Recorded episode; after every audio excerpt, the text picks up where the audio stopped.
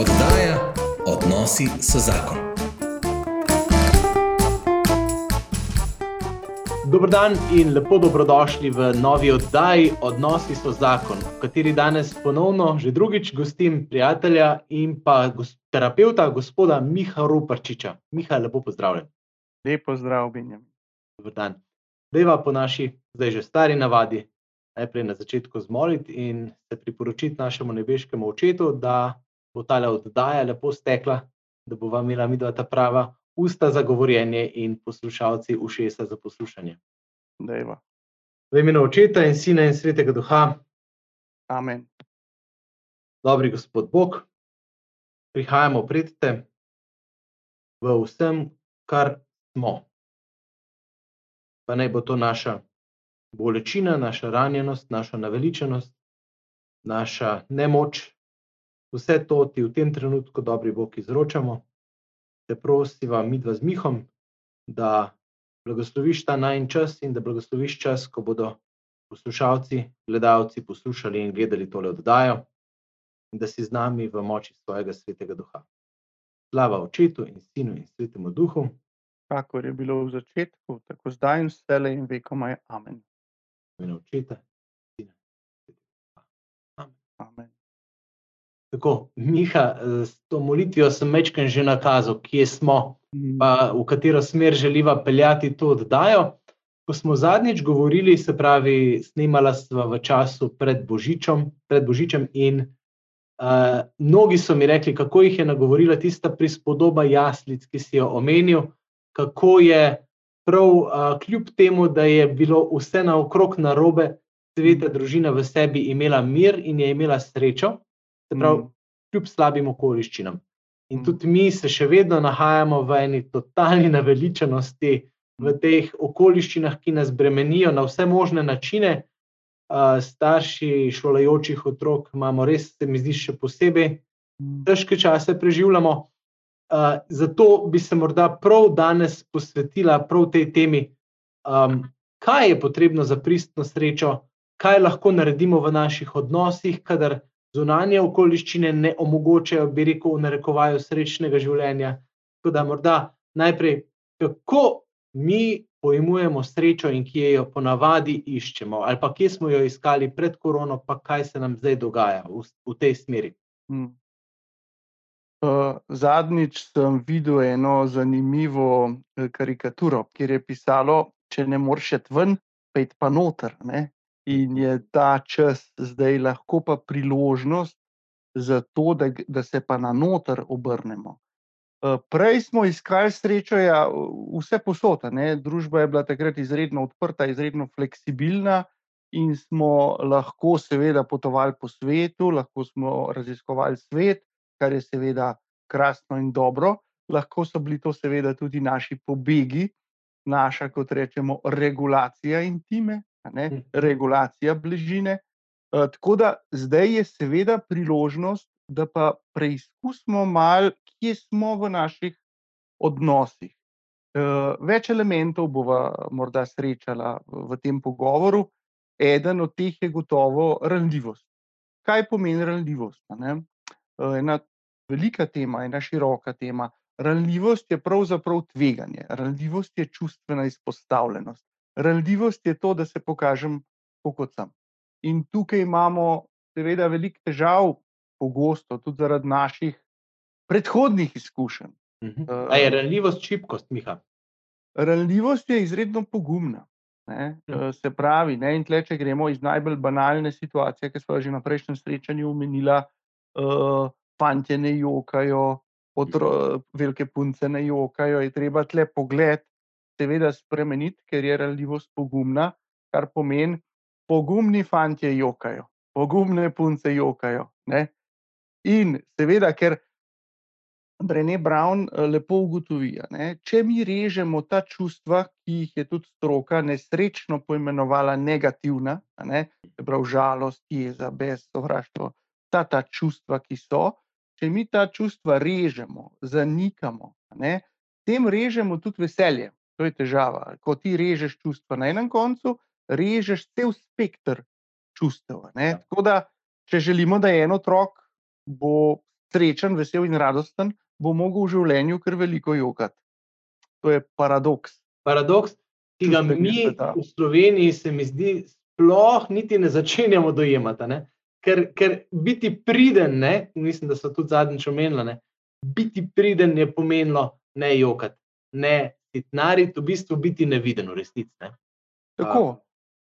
Drži, tle lahko samo soglašam in navežem eh, še z eno temo, da pravzaprav ne govoriti o ranljivosti, ne govoriti o, o svojih stiskah, se v slovenskem kulturnem prostoru uh, manifestira v, jaz bi rekel, kraljestvu tišine, ki ga je zelo dobro ponazoril uh, moj dragi kolega, psihiater, psihoterapeut, dr. Željko Čurič, ko je tudi na portalu TET razmišljal o vzrokih samomorilnosti, pa ne gre samo za to najhujšo posledico, ampak za en simptom, to je tišina, da se o stvarih ne govori.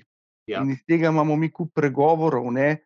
Uh, Mok je zlato, kdo molči, devetim odgovori, in tako dalje. Tako da je celo uh, tišina postala kot neka vrednota, neka vrednota družbena norma ali karkoli, kar je seveda bloda, ne, da bistveno je, da mi lahko vedno o stvarih govorimo. In se spomnim z enega predavanja pogojnega terapeuta Bogdana Žorža, ki je rekel: Veste, me najbolj skrbi, če pridem v hišo, kjer je vse pospravljeno in kjer se snažen otrok v enem kotu snažno igra. Prav to me skrbi. Če pridem pa v družino, kjer se tudi kaj zakriči, pa zaupije, me pa nič ne skrbi. Dobro, pol je pri nas kar v redu. Ja, ja, se več kot kaj zaupije. Brez skrbi, ja. Ampak veš, opažam, um, opažam pa, kako je v moji glavi privzgojeno občutje, joj, joj, grdi, a ti si, ki si zaupil na otroke. Uh, razumeš? Prav uno. Čutim, kako so ti vzorci globoko v meni, samemu pa provam reflektirati te stvari, pa berem literaturo, pa se pogovarjam o teh stvarih. Mm. Ampak, ko se jaz sam znajdem v kritični situaciji doma in priznajmo si, ne, bodimo ranljivi, da povemo, da v teh časih je več teh situacij, ne mhm. tudi pri nas. Potem vidim, da te avtoregulatorne zadeve kar začnejo takoj delovati in si rečem, joj, pa ne bi smel. Ne? Čeprav, seveda, se je treba znati kontrolirati, ne? ampak um, ne pa vedno, pa ne za vsako stvar, si je treba tudi dovoliti, mal, da se zluftamo, po domače povedano. No? Uh, ja, uh, Kar se tiče v odnosu do otroka, ne, mhm. seveda mi smo v svojem uh, popotnici, ki smo jo dobili od svojih staršev, smo vedno dobili uh, neko nepopolnost. Ne, in uh, velikrat se nam seveda zgodi, da svoje jeze ali pa svojih čustev tudi napram otrokom ne zmoremo. Tam je važno, da smo po eni strani milostni do sebe, uh, da rečemo, da nisem v tem smislu kriv, da to pa sem pač dobil, da tako reagiram, sem pa odgovoren, da se trudim, da tega ne počnem. Ne? Se pravi, da se jaz vedno umirim. Ne? Da včasih sem celo ranljiv ob otrocih in rečem, jaz sem zdaj tako zelo jezen sam v sebe, da bom rabo pet minut pauze, deset minut pauze in pridem nazaj. Ne? Se pravi, da je jasna razmejitev, da ta moja čustvena reakcija je moja odgovornost ni jo otrok povzročil, ker to je zelo mamljivo, ne? da bi otroku učitelj, ti si me s svojim vedenjem tako zelo razjezil. Otrok je samo pritisnil na ja. določene tipke v nas, in smo seveda mi na ta način uh, odreagirali, pritisnil je pa na tiste tipke, kjer mi rabimo še zrast. Mhm. Tako da je na nek način bi lahko dal te situacije nalepko dobro. Dobro je, da se to zgodi. Otroci so naši odrešeniki, otroci ti seveda pritisnejo na tiste situacije, kjer moraš ti zrasti kot, kot oče in jaz kot oče. Tako da so te situacije, kakor so težke, so dobre. Jaz opažam, da mi je pa res hudo in to se mi je zadnjič enkrat zgodilo. Sem prav opazil, da je bila ena stvar v ozadju, ki me je težila in sem eksplodiral na otroka. Ne. Ja. Tukaj se mi zdi, da je pa res dodatno, dodaten problem. Ne, in tega, se ne, ne dogaja. No? Ampak zadnjič pa prav vem, uh, bodva iskrena, ne, pogovarjala sva se za Mm. snemanje oddaje že prejšnji teden, pa ni Mm. šlo skozi, tudi Mm. zaradi tega, ker smo bili v takih Mm. težkih situacijah, Ja. ne, emocionalnih in sem si rekel, tle bi bilo čist neiskreno, če Mm. greva midva z Mihom zdaj lepe stvari govoriti, jaz sem pa danes eksplodiral na mulko, ki obvlada, ampak je še nekaj vzadne. Mm. Ja, ja. velikokrat so v zadnji stvari, lahko so dnevne stvari, lahko so povezane s službo, lahko Mm. so povezane s tretjimi ljudmi. Ker ko mi delujemo v zunanjem svetu, prostor službe, šole, načeloma ni prostor ranljivosti. Ne? Mhm. Prostor ranljivosti je pri ljudeh, na katere smo mi res navezani. Se Mm. pravi, družina. Mm. Kaj to pomeni? Pomeni, da otrok je v vrtu kar vodljiv, v šoli je kar eh, vodljiv, doma pa štala. To je najbolj zdrava situacija in najtežja. In najbolj običajna. Ker seveda otrok nam ponavadi pove v jeziku vedenja to, kar ga teži. Otrok še nima teh poimenovanj. In mi, seveda, ki smo v stiski, ne bomo rekli, pa kaj je s tabo, ne? pa kaj hočeš, pa povej mi, kaj hočeš. Ne? Iz otroškega vidika bi bilo, ja, se si ti oče, ti meni povej, kaj se z mano dogaja. Ti boš našel besede za mene, kaj se z mano dogaja. Saj jaz jih nimam. Ne? In potem pa mi pademo v stisko, ker mi nimamo teh besed, ker jih mogoče v tem žaklju dote ni. Ne? Mhm. Nič hudega, jih bo Mhm. treba na novo iznajdeti. ne. Tako da je tle pa naš del bremena kot staršev, da pa mi vzamemo to na sebe in gremo iskati ta odgovor in rečemo, ok, to je pa naš del. Ja, um, omenil si žakelj dote. Ne? Pa Zadnjič smo še tudi o tem govorila. Res moramo biti eh, prizanesljivi do sebe, tudi do svojih sozakoncev, če so zdaj pa še mečke na odnosu med možem in ženo, a ne in obratno. Um, zdaj, le, ko smo vsi, bi rekel, pritisnjeni v en kot, ne, te eksplozije prihajajo in, in prihajajo stvari, ki smo jih prinesli s seboj v svojem ne. Mm, mm, In če premešamo vse ta, um, to, to prtlago, ki je tudi narodnega značaja, ko se Mm. ne govori o stvarih, ko si ne upamo Mm. pogledati, kaj pa je spodaj. Ne. Tukaj smo mi v resnici ta prva generacija, ki se tega zdaj uči, ne, kot smo že zadnjič malo a ne. Drži. Um, kaj lahko rečemo na to temo? Drži, da smo v izredno izzivalnem obdobju živimo. Zakaj? Um, mi vemo, da grejo stiske, travme iz generacije v generacijo. Ne, kar pomeni, da mi tukaj zdravimo pogosto še rane prve in druge svetovne vojne. Ne, kar pomeni, da je to v nas, so še vsi ti zapisi različnih zgodb, travm, dedov, pradedov, ne, eh, se pravi, veliko težkega se je na tem področju eh, zgodilo. Tako da je to že ta medgeneracijski vidik.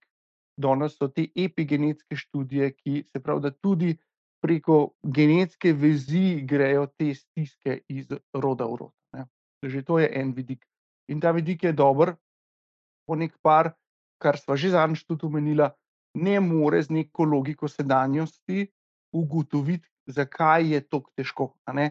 Takrat je dobro eno širšo sliko pogledati, kaj se je v prejšnjih rodovih dogajalo. To je že ena taka, ena taka, en tak osnovni pogled nazaj, kaj se je pravzaprav dogajalo v preteklosti v prejšnjih uh, rodovih.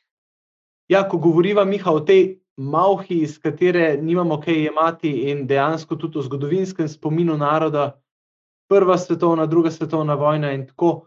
Dejansko um, Tankar je rekel, da smo hlapci za hlapce rojeni, ne, za hlapce vzgojeni. Ne, in Mm. v resnici slovenski narod v vsej tej tišini, ki smo jo tudi že omenjala, kaže na en temeljni občutek nevrednosti. Se pravi, jaz kot oseba nisem dovolj vreden, da bi se lahko polnokrvno izražal in Mm. povedal, kaj je v meni. Uh, in je zato bož, da sem tiho. Ali kako je to? Ja, ker status hlapca je že v osnovi podrejen. Ne? Status hlapca je tisto, ko mora svoja čustvena stanja in sebe zanikati in se mora pokazati v svoji pridni maniri. Ne? Točno. To je, Točno. in to je tisto, kar smo pravzaprav ohranili. Ne? Ker pokazati se tako, kot si, ne? da se mož pokaže ženi, tako kot je, ne? je izredno ranljivo. A če boš ti videla, kdo jaz sem, a boš ti mene še imela rada. A če boš ti videla, da sem jaz tudi krhek, da sem prestrašen, da sploh nisem tako mačo, kot se morda kažem, ne? a bo to zate še v redu. Ne? Se pravi, to je tveganje. V resnici ne, bo vsaka žena rekla: Ja, jaz tazga hočem, jaz hočem tebe tazga. Ne? In, imamo, in pridemo do win-win situacije v ranljivosti na koncu. Jaz nočem imeti mačota, jaz nočem imeti partnerja iz jekla, jaz želim imeti moža, ki se zjoka, ne? želim imeti moža, ki pride v stik z nemočjo. Ne? Želim imeti moža, ki reče: Jaz pa tole ne morem, rabim pa ure pauze. Ne? Miha, ampak jaz bom večkrat izzivalen tle. A je to res? A so žene, uh, a niso tudi one pri nas tako pogojevane, da v resnici uh, jih to prestraši in odbije? Ja, in ne. Mi imamo težavo, recimo, z to socializacijo žensk, ki, ki je ja. bila na način, da morajo ženske tiste, ki prinašajo toplino, ki skrbijo za druge, ja. same se pa ne smejo jeziti, in pravzaprav se ne smejo uh, postaviti uh, za sebe. Uh, to vemo že iz Freudovih časov. Smo govorili tako imenovani histeriji, ja. uh, češ, pa danes vemo, da je lahko šlo samo za eno uh, nezregulirano jezo. Večinoma ranljivost na koncu prinese same dobre stvari. Ne? Tako da lahko se jo tudi kakšna žena ustraši, ne? ali pa obratno po spolu. Ne? Uh, so ene stvari bolj značilne reakcije za moške kot za ženske, ni pa nujno. Ampak načeloma se ranljivost v nasprotju s pričakovanji pa potem sprejme. Ne? Včasih pa lahko seveda ranljivost pa drugo osebo spravi v stisko, kar je spet dobro, ker se bo pa pokazalo, da je pa tista oseba, ima tam še možnost za rast. Hm, hm. Um, ko smo prej omenjali rezanje čustev in, in nedopuščanje te ranljivosti, ne? um, pa ko smo omenjali ta občutek, nisem vreden, nisem dovolj. Um, ta glih razisko, raziskovalka Brené Brown pravi, šele ljudje, ki so si dopustili neko temeljno ranljivost, kar je najtežje, ne, mm. a, ki so verjeli, da v osnovi so tudi, če so ranljivi, dovolj dobri, so potem lahko v polnosti živeli neko. Uh, ona reče, ne, kot so že tudi zadnjič rekla, wholehearted living. Ne, to sem mm. se zdaj večkrat poučil in je res dobra, dobra mm. raziskava mm. njena. Ne. Se pravi, to je nekako iskreno, polno življenje, ne, iz polnega srca ven, mm. ki je tudi pogumno. Ne in je ustvarjalno, in, in lahko daje, kot dižu večkrat rečemo, dajemo naprej. Um, in zelo poudarjamo tudi ta duhovni vidik, da gremo iskati k Bogu, to temeljno sprejetost. Kako bi recimo v neki kombinaciji duhovnega iskanja pri Bogu, pa hkrati tudi neke psihološke rasti, Mhm. Lahko delali na sebi in na sprejemanju samega sebe. Tako, to se mi zdi, da ti dve stvari mhm. morate z roko v roki. Uh, Meni tukaj najprej na misel um, pride ta svetopisanski vidik, Bog te je poklical po imenu. Ja. In s tem je dal vedeti, to, da si je dovolj. To, da si Benjamin in to, da si Miha, je dovolj. Mhm. To je že uh, osnoven dar življenja. Pri nas pa to ni dovolj, ne? ker je važno, koliko smo funkcionalni, koliko naredimo, kar je tudi pomembno. Ne? Ampak problem je, če je naša človeška vrednost vezana na to, koliko smo funkcionalni, koliko smo pridni. Ne? Slovenci imamo zelo radi, koliko smo pridni, in potem dajemo to v izložbo. Ne, ne damo v izložbo to, veš, jaz sem pa danes uspel eno uro počivati. Zato, ker je to na tem našem stock marketu slabo ovrednotena ja. delnica. Bom raje rekel, kaj sem vse naredil. Čeprav je morda počitek bolj pomemben uh, v, kakšni, v kakšni situaciji, kot pravzaprav uh, kot funkcionalnost, kot delo. Tako da um, Brené Brown zelo močno izhaja da, uh, iz te predpostavke, da ko mi smo ranljivi, da ko mi prejmemo sebe, ne, prejmemo predvsem tisto, kar je najtežje, naša nepopolnost. Ne? Kar pomeni, nepopolnost, prejemanje nepopolnosti je ključno. Zato, ker ni hujšega napora, kot če imamo očeta, mamo, duhovnika, perfekcionista. To je zato, ker pravzaprav vzpostaviš nek superioren standard, ki ga je ne mogoče dosegati. Ne? Ja. In si skozi v frustraciji, ker ga ne dosegaš, ali pa frustriraš na nek način okolico. Tako Da, in tle je. Imamo neod- kaj delati, ne? Ja, ne, in to ni neodgovornost. Ne. Neodgovornost uh, pomeni, da res opuščaš neke dejavnosti, ne perfektnost, tako da pa stvari niso popolne, je pa nujna kultivacija v našem življenju, da je nepopolno dovolj dobro. Ker Ja. to je v resnici realnost. Tudi pri sami produktivnosti vidim, koliko mene samega ustavi kakšna želja po tem, da bi nekaj naredil popolno. Ne? Ampak američani zelo dobro rečejo, done is better than perfect. Pravi, nekaj, kar je narejeno, je veliko bolje kot tisto, kar je popolno, Res. ostaje nenarejeno. Recimo, ne? Res je, res je. um, Drži. fino. Um, ja, se pravi, ko imam jaz nek temeljni občutek vrednosti, omenila smo svetopismo in ta biblični vidik. a ne. Um, pravi Brené Brown zelo dobro, takrat neham kričati na druge in začnem poslušati. Ne. Takrat lahko Mm. šele začnem vstopati v odnose, si dovolim to temeljno ravnivost in moj strah in sram nista več tista, ki me Mm. ustavljata pri tem, no, tako nekako. Ne? Ja, ker ko ti sprejmeš svojo nepopolnost, je avtomatsko, da boš več nepopolnosti sprejel pri okolici. To je, gre na nek način tudi tukaj kot požar, ne? da uh, v tem dobrem smislu, da če sprejmeš percept to nepopolnost, bo okolica to čutila in bo doživela, uh, manj boš postal kritičen, manj boš postal reaktiven, in seveda je posledica tega, da boš začel uh, več poslušati, da boš začel poslušati sebe.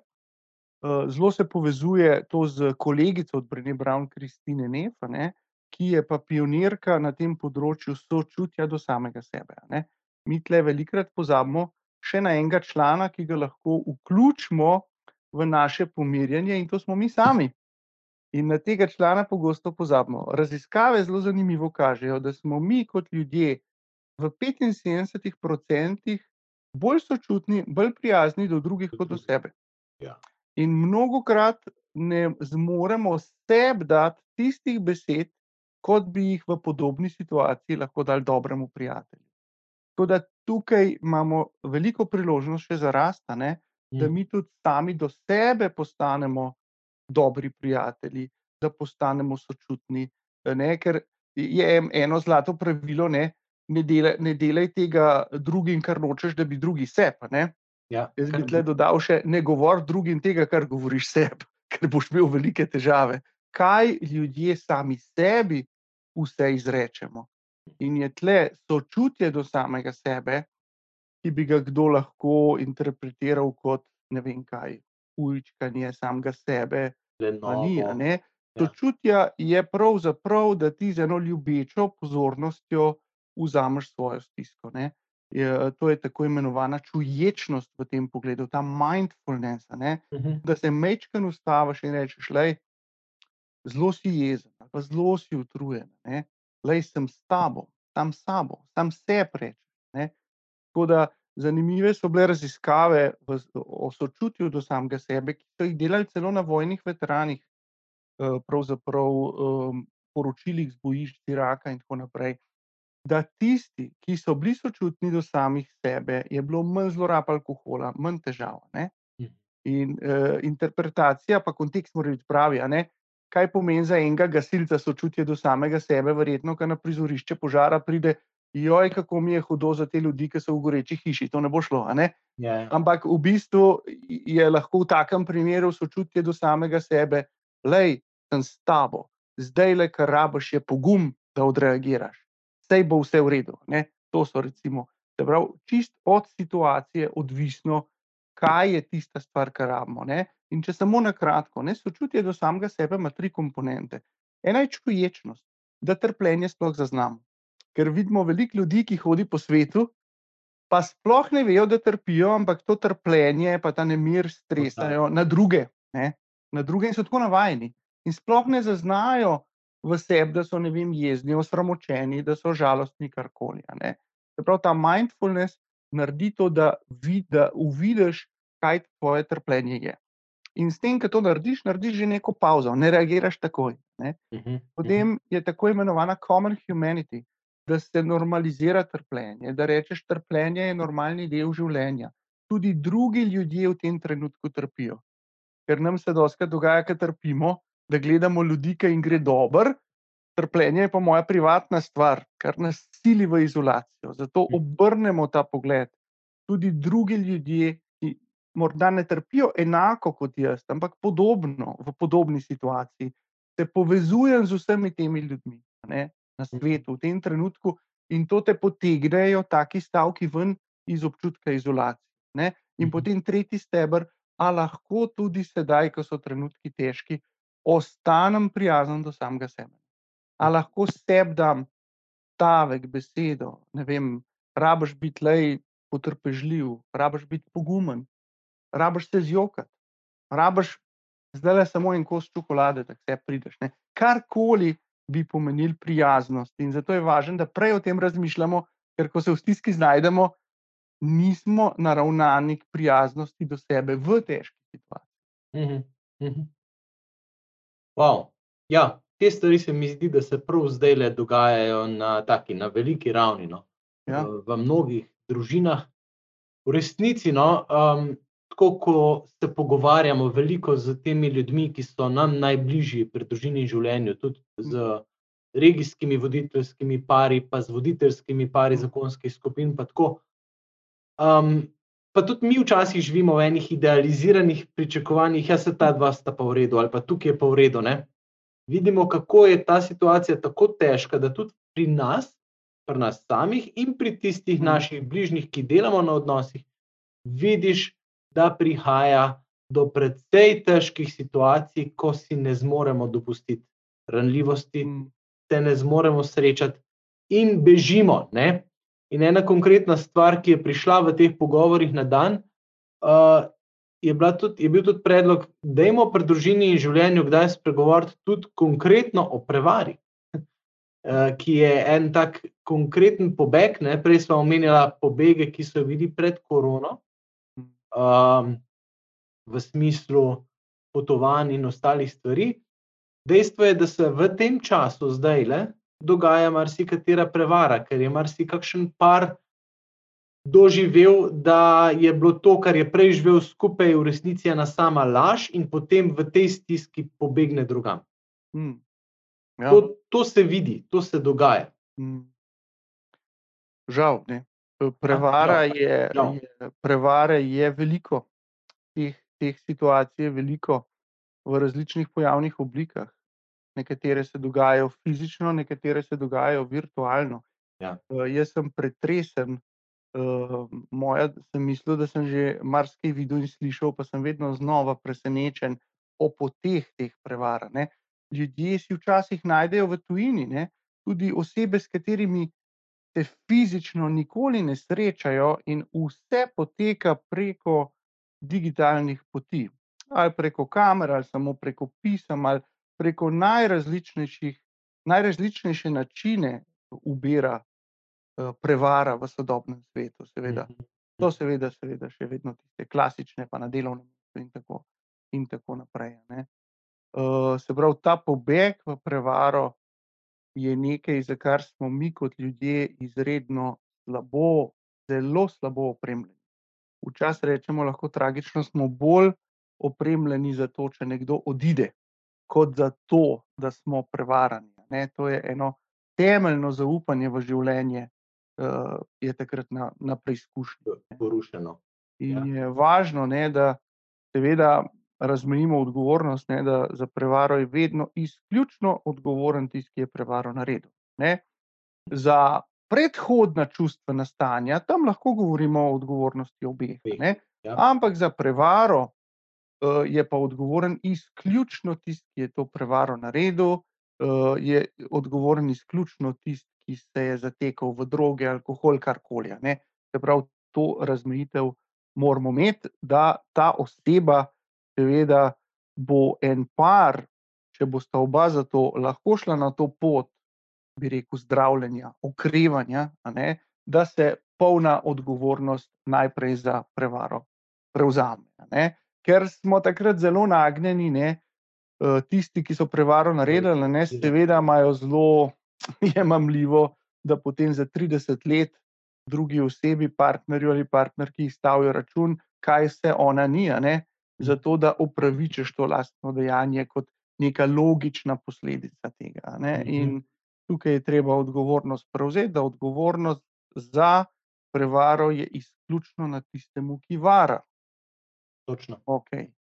In tle, seveda, se včasih pari že zaradi tega dejstva razidejo, neki osebi je to tako zelo nesprejemljivo, da je njegov partner ali partnerka to naredil, da itak je zadeva v osnovi nepovratna. Ne.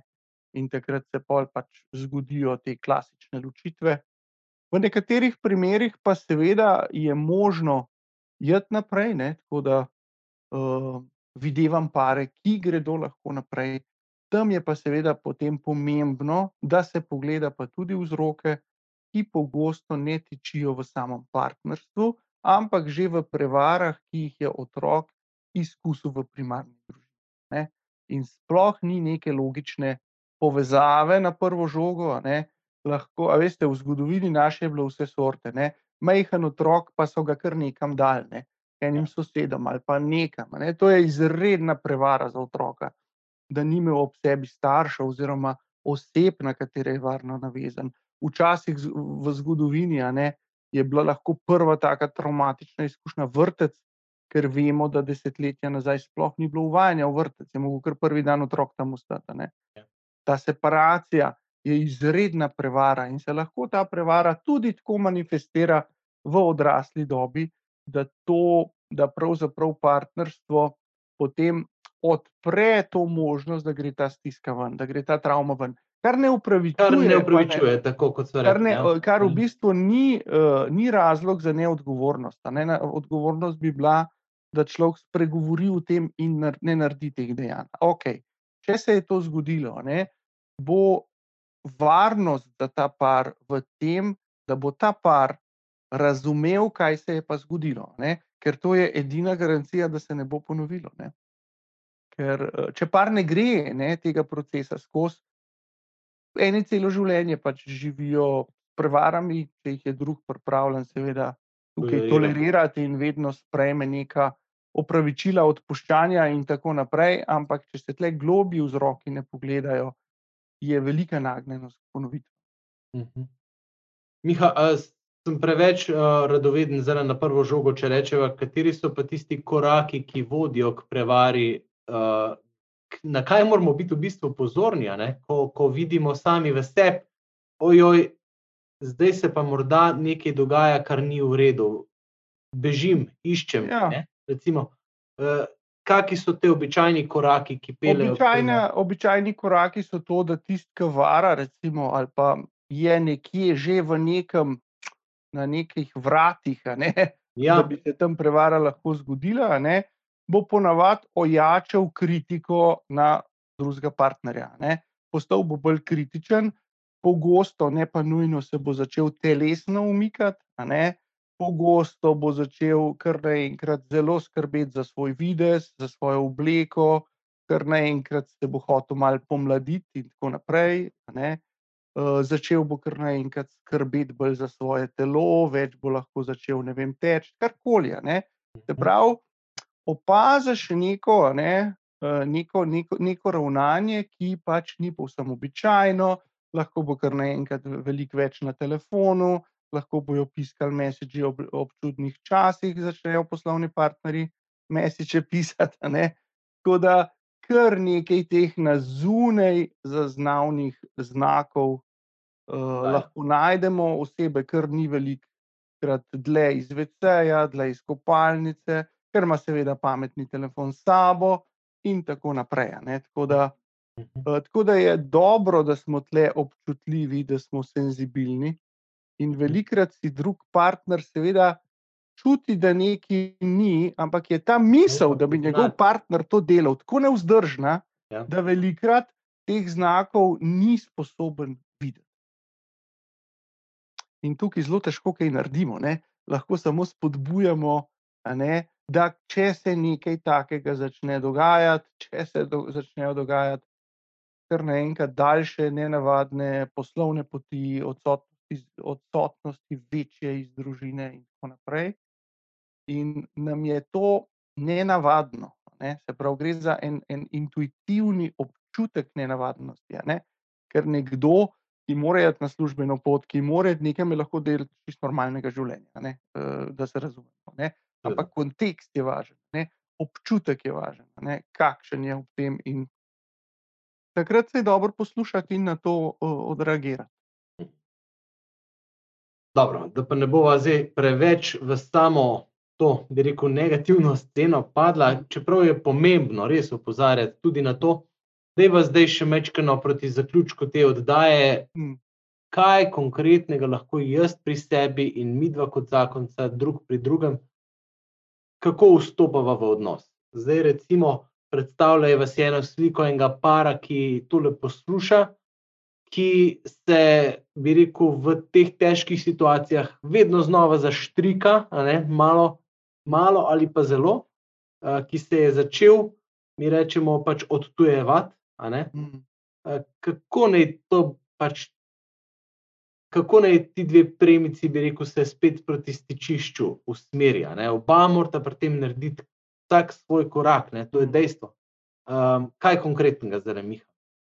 Čisto konkretno je uh, ena zaveza para, ki ni imel te navade, da, raz, da govori o svojem čustvenem stanju, ne, da, da tvega in se poda, poda na to pot. Ne. Včasih tudi, če nismo bili dobro opremljeni, niti dobro ne vemo, kaj se z nami dogaja. Ne. Ampak vseglih pa, tudi če ne vemo, da smo jezni ali pa da smo žalostni, ne, pa lahko rečemo, jaz sem pa kar neki slabo, res nisem dober. Ne. In če probamo to še takoj, eh, naša psiha ne mara ne mara nepredvidljivosti. Ne? Tako da mi doskrat hitro diagnozo damo, da je nekdo kriv za to, da smo mi tako. Kar pomeni, če v te rečejo angliži v non-judgmental attitude, ne? se pravi v neobstojajočem, probamo pogledati, da recimo nismo dobro. Ne? Že sam s tem, ker je ta pregovor v angliščini name it, tame it, ne? se pravi že s tem, ko mi poimenujemo naše čustveno stanje, je doskrat del rešitve. Ne? je v bistvu že ukotimo. Se že pomiri, se že situacija lahko pomiri, in ta čustvena zmes ne bo šla v vedenje, ki bi drugače lahko šla ali v kritiziranje, ali v več računalnika, ali nekdo bo zaradi tega ne vem, pornografijo gledal karkoli. Se pravi, ranljivost je prav zdravilo, da ostanemo tukaj in zdaj v naši resničnosti. Ne? Drugi in, pa to mora dopustiti, prvemu. Biti... Drugi pa je tisti, v tem trenutku tisti poslušalec, mhm. tisti, ki je pripravljen sprejeti. Ja. Ker če bo ena žena rekla, da je pa tako prestrašena, pa bo tam odziv, ja, pa kvate bo strah, vse to je brez veze. Ne? Ja, to ne moreš tega. Ne? Bolj je te je strah, da je vse mi povej, vse sem tle s tabo. Uh mhm. -huh. Na ta način, ki nekdo o strahu spregovori, se bo že s tem, ki bo spregovoril, če bo na drugi strani nek sočuten poslušalec, ne, ki bo to osebo vzel za res. Ne, ne rabi na mest nje nič narediti, ne rabi dati to na svetu. Ne, a si lahko samo z mano, to je najtežje. Ne, a si lahko z mano v moji stiski, a, a me lahko sprejmeš. In doskrat bo druga oseba več dobrega naredila.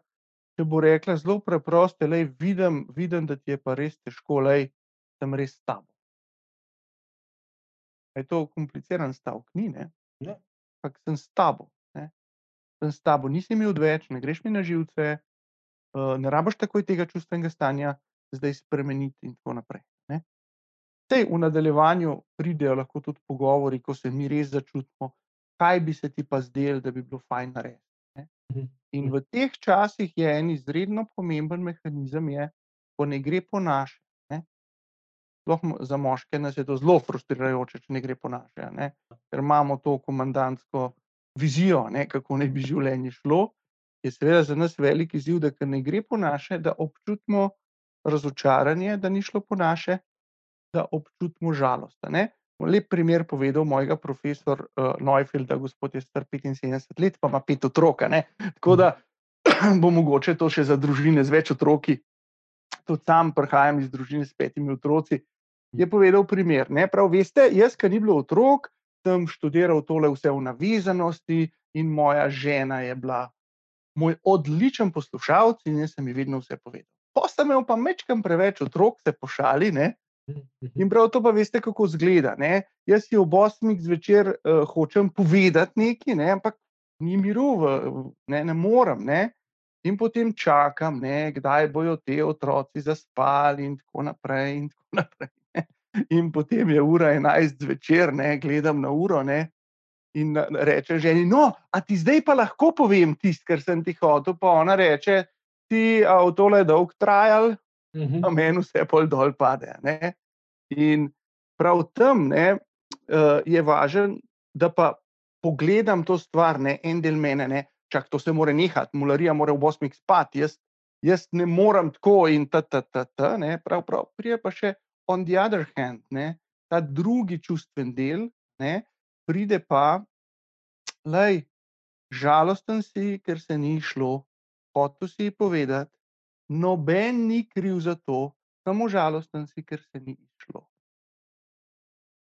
Ne?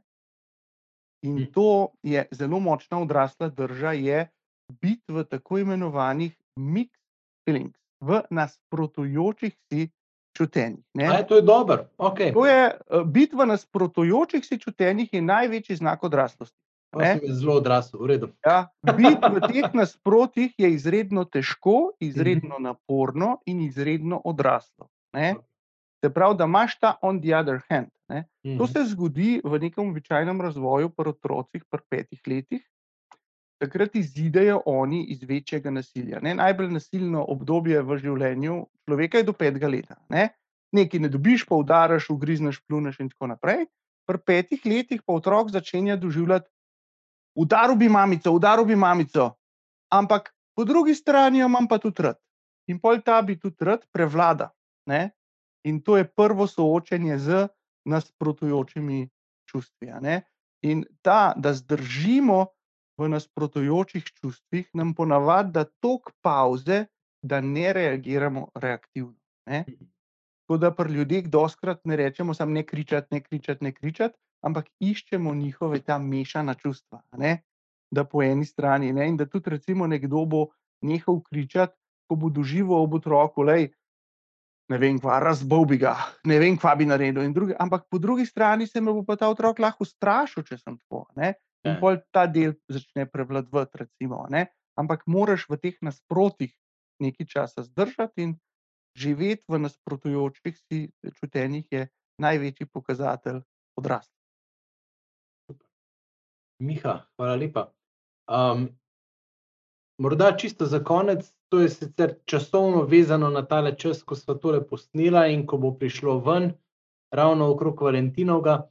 Uh, mogoče ena zaključna misel na to temo. Uh, pa mečken EPP-ja, ne, pred Dižo imamo zdaj le ponovitev tega spletnega seminarja Mm. z Danjem in Vilmo uh, izpuščave v svobodo, kjer prav Mm. preko zgodbe Izraelcev, Eksodusa in tako Mm. vstopamo v te, bi rekel, naše suženosti, zasuženosti in potem uh, preko njunih video nagovorov in Mm. domačih nalogic, uh, se pravi, tem za pogovor med parom, dejansko doma v tej situaciji, kjer smo lahko nekaj konkretnega naredita, narediva za svoj zakon. Tako, to je mečkano en možen naslednji korak za tistega, ki bi želel. Um, evo, eno, ena valentinovska misel za, za zaključek, morda Miha, pa se seveda še kdaj prihodnič še kakšne teme dotaknemo. Zaključna misel bi bila, da bomo mi praznovali lahko res Valentinovo, imamo zdaj priložnost se tudi v težkih stvareh srečati. Zato, ker v težkih stvareh se bolj povežemo kot v dobrih. ne. In če se v težkih stvareh povežemo, še bolj znamo uživati v dobrih. Ker je zaveza, da je bilo težko in si bil z mano, je bilo težko in si ostal zvest. Še v svetem pismu piše, Mojzes in ne vem, kje revčaki so šli čez mnoge stiske in ostali zvesti. In to velja tudi za nas. Tako da In na ta način dejansko v praktičnem smislu ugotoviš, da ima trpljenje pa tudi svojo pozitivno vrednost. Ne? Nekaj si razrešil, nekaj si razčistil, še posebej si se povezal, nisi bežal in ti to potem še bolj poveže v dobrih časih. In jaz verjamem, da je Valentinovo zelo drugačno, če si predhodno tudi v stiski drug z drugim zdržal.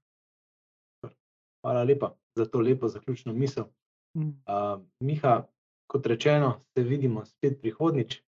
Uh, vam pa želim, ja, da v tem času res delate, delamo na svojih odnosih, ker um, največja nevarnost, ki nam jo ta kriza, pač, ki prihaja s to krizo, je, da bi po njej ostali takšni, kot smo bili. Bodimo boljši in verjamem tudi, da bomo. Hvala lepa.